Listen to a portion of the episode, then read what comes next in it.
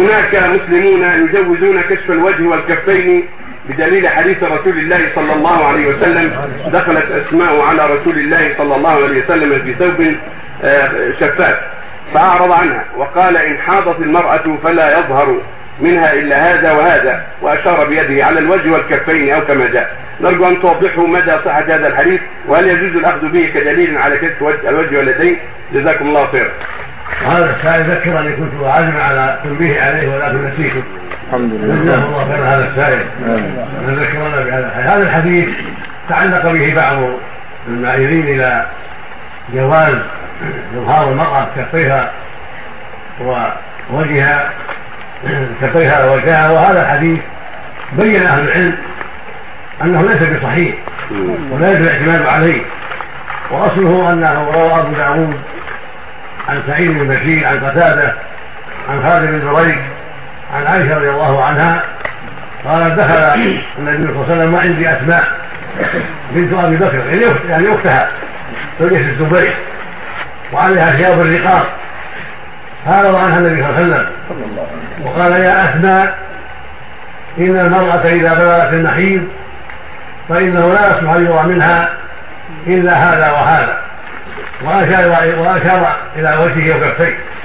قالوا فهذا يدل على جواز كشف المرأة وجهها وكفيها لأن في الحديث إن المرأة إذا بلغت المحيض لا يصلح أن يرى منها إلا هذا وهذه الكف والوجه كفان والوجه. والجواب عن هذا مثل ما تقدم من الحديث لا يصح العلة العلل ثلاث في ثلاث علل عند أهل العلم.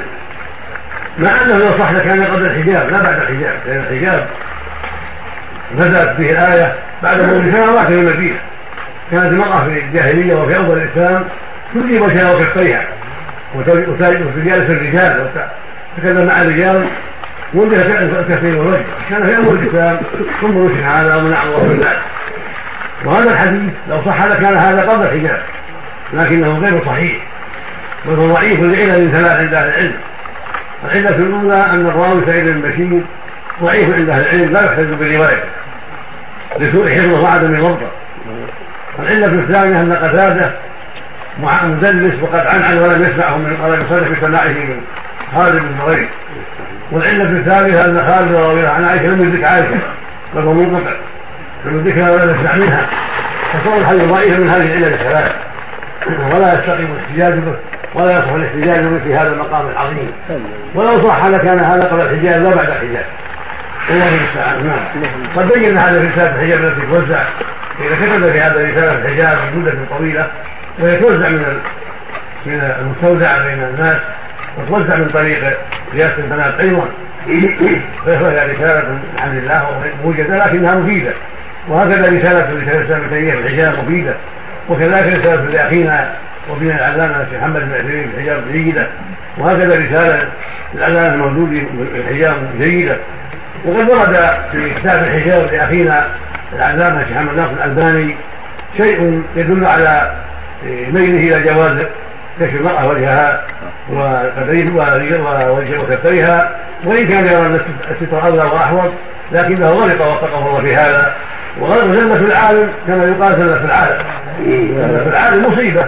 هذه زلة من أخينا الشيخ ناصر الدين الألباني وهو من خيرة العلماء ومن خيرة الأخيار نعرفه كثيرا. ولكنه له زلات كغيره كل واحد من العلماء له أخطاء وله غلطات. هذه من غلطاته. عافاه الله وهداه. وله من الغلطات أيضا. قوله في في صفة الصلاة إن اليدين بعد الركوع يسجدها المصلي ولا يرفعها. هذه غلطة أيضا. والسنة في المصلي أنه يرفع يديه ويجعلهما على صدره في القيام. قبل الركوع وبعده هذه السنة.